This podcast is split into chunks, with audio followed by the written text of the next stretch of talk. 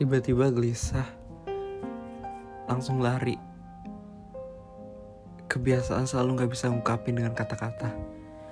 Intinya, setiap orang punya caranya masing-masing dalam menghadapi suatu kondisi. Pasti banyak yang akhir-akhir ngerasain hal yang sama.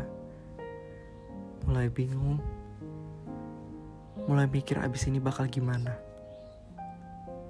Gak apa-apa, kalian gak sendiri kok. Sekarang yang terpenting, saling menguatkan satu sama lain ya.